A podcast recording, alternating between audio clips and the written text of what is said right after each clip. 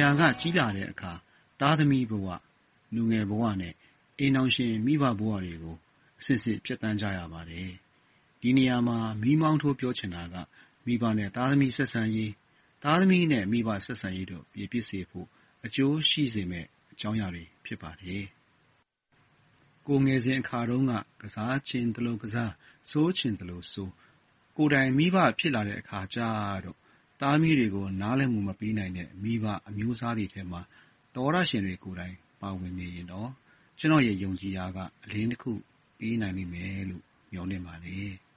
။အိမ်ထောင်ကျလို့ သားသမီးတွေရတဲ့အခါ လူငယ်တို့ရဲ့ လွတ်လပ်မှု လျော့ပါးသွားခြင်းနဲ့အတူ တာဝန်ယူမှု၊တာဝန်ခံမှုတွေကို ပခုံးပေါ်တင်ပြီး မိမိကသက်လက်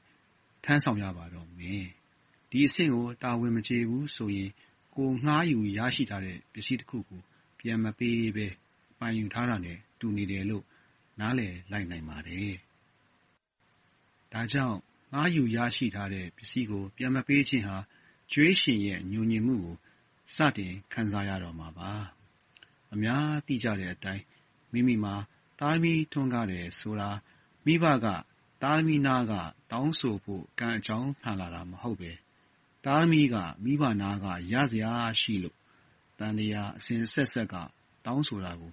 စောင့်ရှောက်မှု အကျဉ်းသား၊စာနာမှုဘာဝနာ၊ဝေဖျာမှုသာသနာတို့နဲ့အတူ ရင်အုပ်မကွာ စောင့်ရှောက်ကြရတာဟာ ဓမ္မတာပါပဲ။အခုအချိန်အခါက မိမိက မိဘအဖြစ်ရောက်ရှိပြီး သားသမီးတွေကို ပြုစုနေရတဲ့ အနေအထားဆိုကြပါစို့။ဒီကနေ အချိန်အထားကြီး အမြဲခုတ်မောင်းနေတာနဲ့အတူ မိမိတို့ရဲ့ အသက်အရွယ်တွေက ရပ်ဆိုင်းနေမှာမဟုတ်ပါဘူး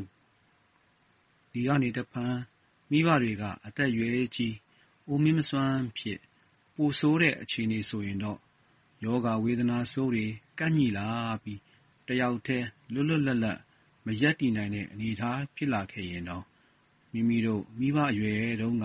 သားသမီးတွေကို ပြုစုခဲ့တဲ့ကြင်နာမှုပေးခဲ့ခြင်းအကျိုးပေး၊ဘာဝနာပြုခဲ့ခြင်းအကျိုးပေးနဲ့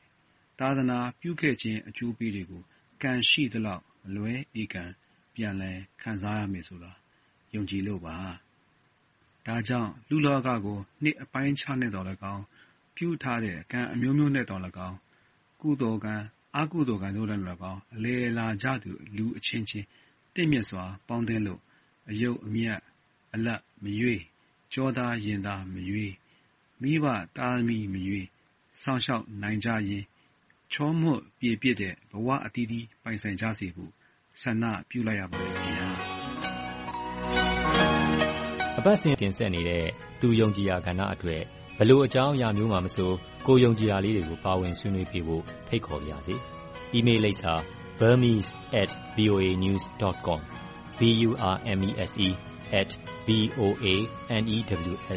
burmese@voanews.com ကိုစာရေးပြီးဆက်သွယ်ရမယ့်တယ်လီဖုန်းနံပါတ်ကိုအကြောင်းကြားလိုက်ပါခင်ဗျာ။ကျွန်တော်ပြန်ဆက်သွယ်ပါမယ်။